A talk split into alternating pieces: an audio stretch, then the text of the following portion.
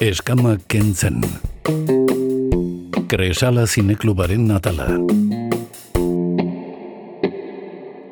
Aste artea da, entzule eta hasieran iragarri dugun bezala, gaur Kresala Zineklubeko lagunak urbilduko zaizkigu Donostia Kultura Irratia, badekizue ez daukatela proiekziorik ustailean, baina hala ere mantendu dute sekzioa txintxo txintxo eta gaur telefonoaren beste aldean Janet Diez daukagu Koreako eta Japoniako zinemaren inguruan hitz egiteko. Egunon Janet zer modu zaude? Ba, egunon, e, bidaiatzeko goakin, eta bai, hitz egiteko bai. Bai, eta gainera oso urrun joan behar gara, e, munduaren beste puntaraino, e, Japoniara eta Ego Koreara. Janet, e, zergatik e, hitz egingo dugu gaur e, zinema inguruan? Zergatik aukeratu duzu bi, zergatik aukeratu dituzu bi lurralde hauek? Ba, egia esan da, e, bai Ego Korea eta bai Japonia, egia da hor dagoela Taiwan eta beste Asiako beste lurralde batzuk e, zinematografia oso ona dutenak, baina bereziki bi, e, bi leku ero bi bi cinematografia hauek ba, oso erakargarriak dian niretzako eta gaina oaintxe bertan ba, norkezu ezagutzen ego koreako aktore bat, ero ego koreako pelikula bat, ero japoniatik etorritako filma ez. Eta esan dezergatik anez, ba, guazen eramatea pixkate Asia izpilu beltzara.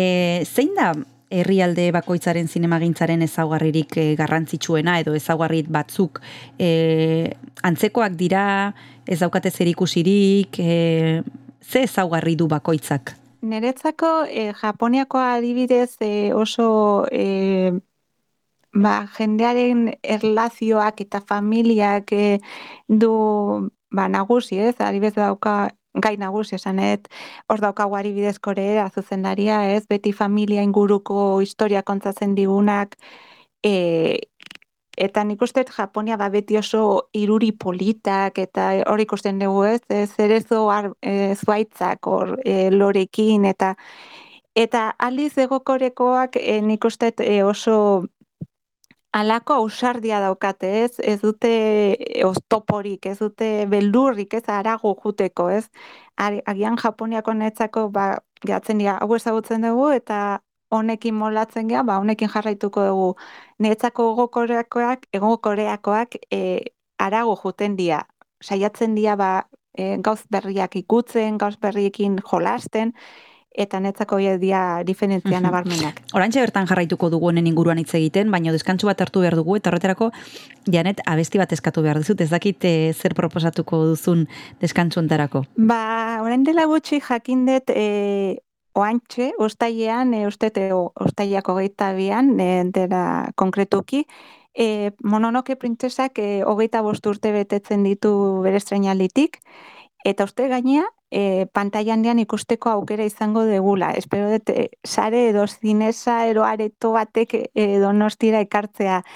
Eta, bueno, ba, bere musika bat aukeratuet. Osondo, bagoazen entzutera.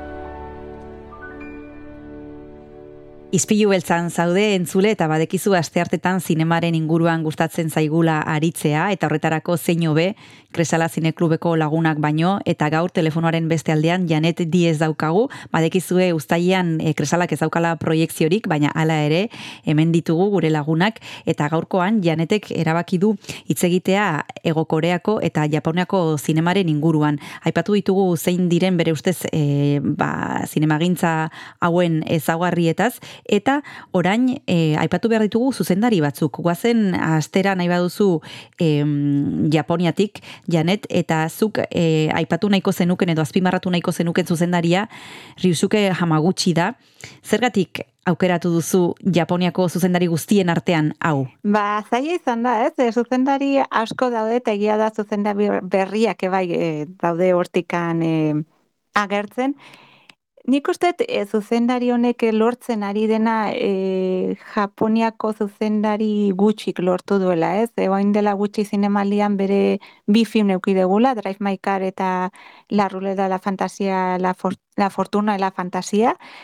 Eta nik uste e, lortzea e, guk, erobeintzat ikusleak, e, ingantzatzea film batean hiru orduz, hor, eserita egotea, ez erraza. Nik uste ez egula asko ikusten hiru orduko filmak e, ez zu ni Kristina ero e, beste aldean daukagun e, entzuleak, ez? Eta gainea asko gozatzen eta gaina maitzen da eta esatezu ja, gehiago nahi dut, ez? Et, eta netzako bere daukan magia, jamagutxi daukan magia, e, olako gauzak egiteko eta olako gauzak lortzeko, ez eta asko ikusten e, Japoniako beste zuzendarietan. Eta gero beste gaitasun bat dauka ere bai, eta da naiz eta bere historiak izan oso japoniarrak e, erreflekatuta sentitzen gara, ez hain urrun dagoen zerbaiten inguruan hitz egiten ari da, baina hala ere gu e, ba, apelatuta sentitzen gara nola bait.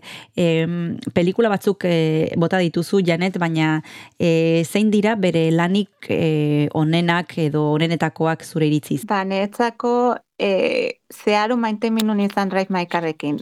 Nik uste e, iru, iru ordu zegoen izan eserita e, e areto batean, eta hiru ordu zegoen nitzateke berriz eserita ikusten filma en ikuste raizmarrekin, raizmaikarrekin gehatuko nitzela. Agian badago norbait e, irratiaren beste aldean edo mugikorraren beste aldean ez dakiela zeri buruz den e, drive maikart. E, esain janet e, labur bilduz zein den pelikula honen sinopsia mesedez? Bai, e, sinopsia, bueno, e, pelikula liburu baten, batean oinarrituta dago, e, dia historio oso txikiak eta, bueno, zezendari honek e, giroilariakin behin bueno, gidoilaria eta zuzendaria berdina da, e, jama gutxi da bai zuzendaria eta bai gidoilaria, eta egin duna da, ba, hainbat historio hietaz, ba, hainbat elementu hartu eta e, pelikula sortu, ez? Da, aktore bat, e, ba, bueno, ba, montatu inbardula antzerki ero obra bat, eta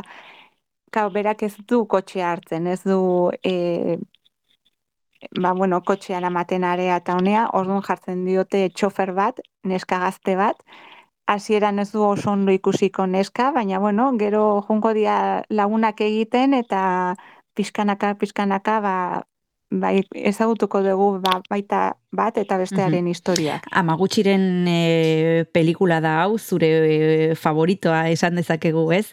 E, besteren bat e, aipatuko zenuke, Janet? Ba, bia, indikan ez dut ikusi, baina ikusteko kristongo goa daukazeo, e, nik uste oso kurioso izango dela, koreerako azken filma, broker, kanesen egon dena, ze, karo, zezendaria japoniakoa, baina produkzioak ego koreakoa da.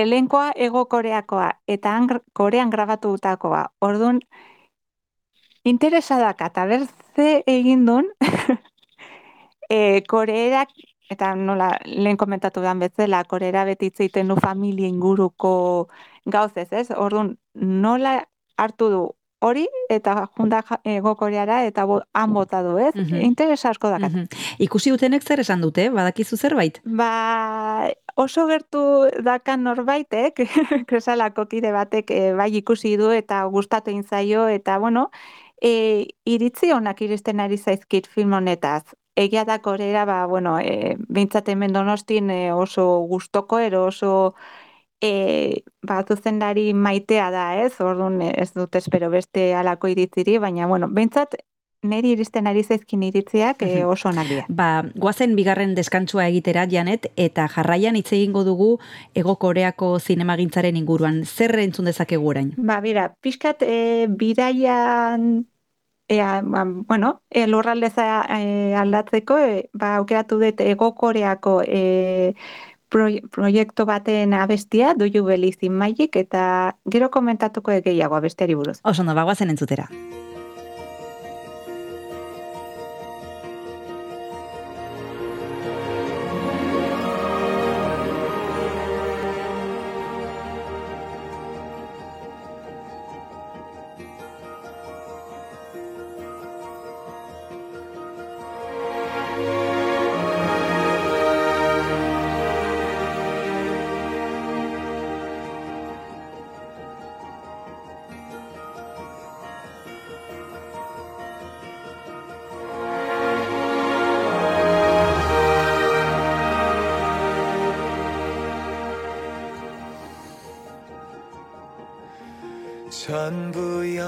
있던 것 잊었기에 보이지 않았던 것. 두 눈이 때로는 이 세상을 속여 어두운 곳에 숨었다고 사라진 건 아냐 불을 밝혀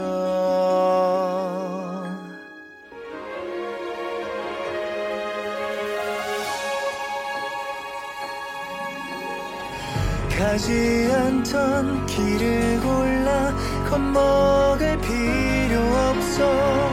익숙해진 모든 것을 의심해봐. 반갑지 않니? 처음 네 모습이 어떤 상처도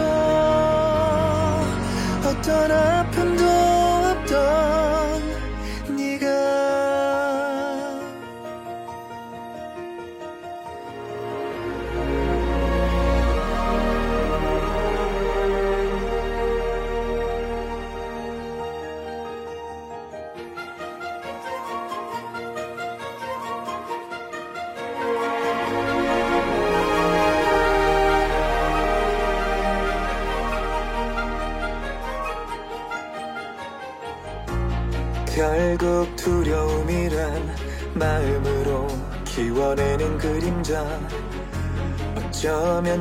단숨에 사라지는 것들 길이 막힐 땐 고개를 들어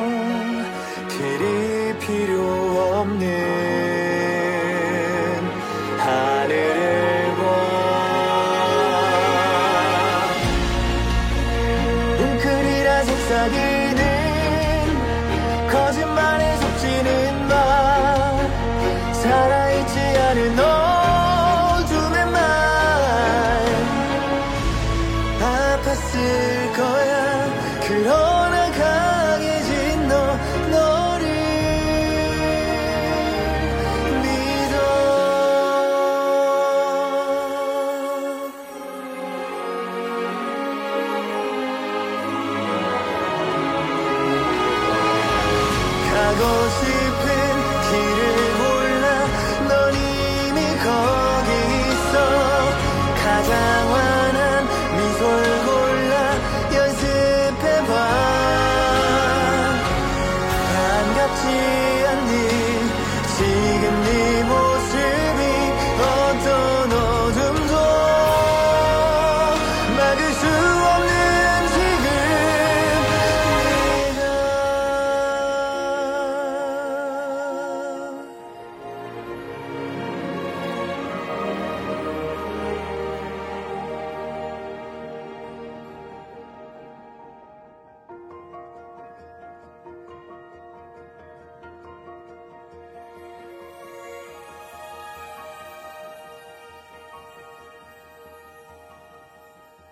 Ispilu beltzan pila bat gustatzen zaigu zinema eta horretarako asteartero gonbidatzen ditugu Kresala Zineklubeko lagunak, badekizue proiektziorik ez daukatela, baina hala ere txintxo txintxo hemen daude asteartero zinemagintzaren inguruan eta kasu hontan oraintxe bertan hitz egin dugu Japoniako zine gile batzuen inguruan eta orain joango gara ego korearaino eta hitz egin bertzen nuen edo apunte bat egin bertzen nuen Janet e, pintxatu duzun abestiaren inguruan. Bai, abestia da Do You Believe in Magic, magian sinesten duzu e, galderara abeslaria da Ji Chang Wook, espero ondo esatea.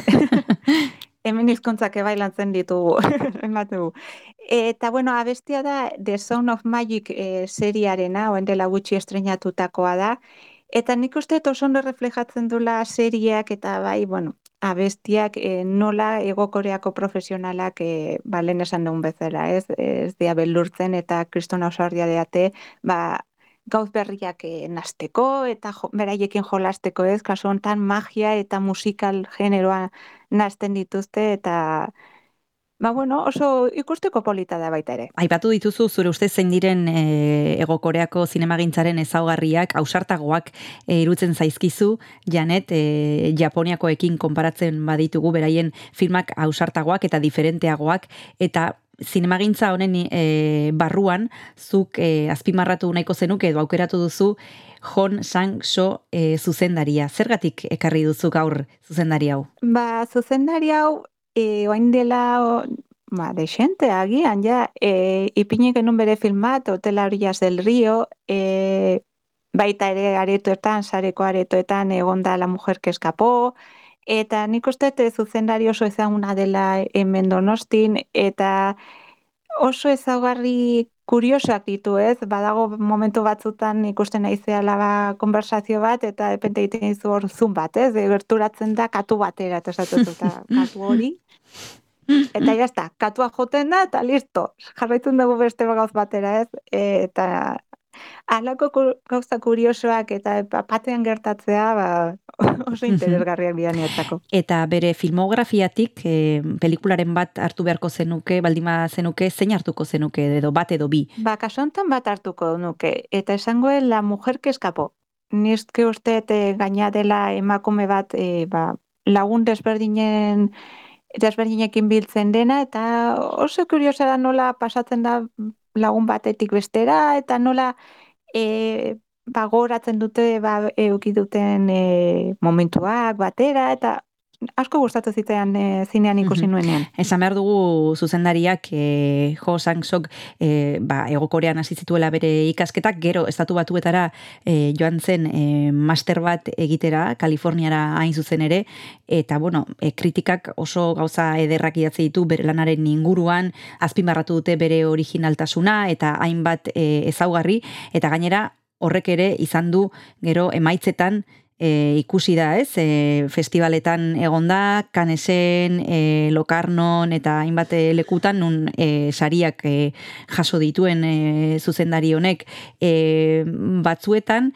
kritika eta publikoa ez doaz bide beretik e, pelikula hauek e, jendearentzat zailak dira Janet. Agian ez gaude hain oituak, ez? E, oituago agian gaude ba ikustea e, komertzialago diren filmak, ez? E, beti esaten Marvel, ze ari bide oso, oso ona da, ez? Denek daukat, daukagu buruan Marveleko pelikula, baina, bueno, Marveleko edo Disneyko filmak e, erraxago jarraitzen ditugu, Baina, bueno, e, ikusten baritugu deixente filmak, e, kaso honetan ego koreakoak, ba, segituan e, e, hartuko ditugu bederrimoa, eta oso ondo e, jarraituko ditugu, ez?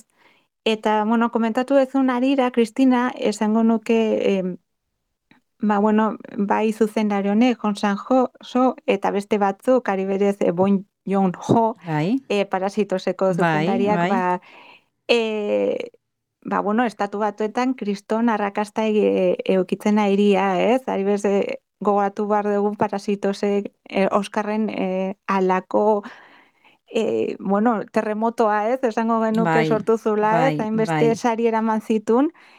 Eta baita ere, e, aipatu beharko dut, eta aipatu nahi nuke, nola e, alako zuzendariak eragiten airian, ba, e, egokoreako zuzendari berrietan, ez? Ari bez, dela oain dela gutxi, ba, nirori biburaz e, ikusi argen izan genuen e, aretoetan, eta bere zuzendariko lehendabiziko filmara, ez? Eta berak esaten du nola, ba, Bon Jon Jo, Park Chan bai, eta beste Jon San Jo noski, eta beste olako zuzendariek nola eragiten duten e, ba, gazteetan, ez? E, ba, ba, ausardi ematen die, o behintzat, ba, esaten dute, ba, beraiek aldute, ba, nik ebai, ez? Eta epente ekartzen diguten irore biboraz, ni horretan ebai, esangoet, burua bum egin zitzaidan, esan nun, nola demondre indu honek hau, eta gaina gero eskuritu nun lehendabiziko filma zela, eta ja, akatu inun.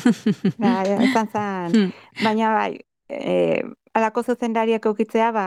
Bai, eredu dira, beste zinegile batzuentzat, janet, zuk uste duzu ere, eragina daukatela hemengo e, zinegileen gan, e, nabaritzen duzu pelikularen batean geroz eta gehiago ikusten dela, ba, ego koreako edo japoniako e, ezaugarriren bat? Bai, nik uste bat, e, ari birez, e, ba, igual, igual aspaldiko, emon aspaldiko, igual norbaitek entzuten dit, esan di, bueno, honek esaten du, baina e, ba, bon, jon, bon jon jo, ero kinki duken aurreko e, zuzendariek, ba, igual ez dut beste eragin, ez? baina igual parasitoseko filmak, seguru norbaiten, norbaitetan eragin egin nula, ez? E, alako filmak ez eragitea, Eta bueno, ba, parasitos filma handia da niretzako, baina bai dago beste fin txikitxo bat, Aloners zinemalian egon zela, eta nik uste eta lako filmak bai handiak eta bai txikiak ba, bai nik uste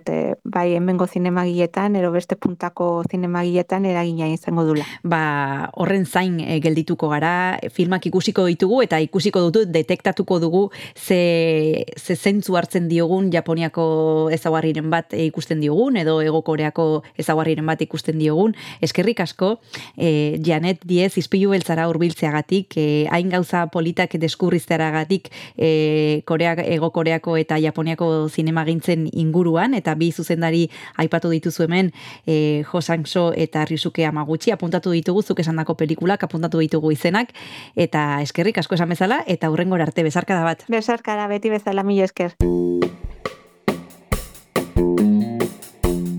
Eskama kentzen. Kresala zineklubaren natala.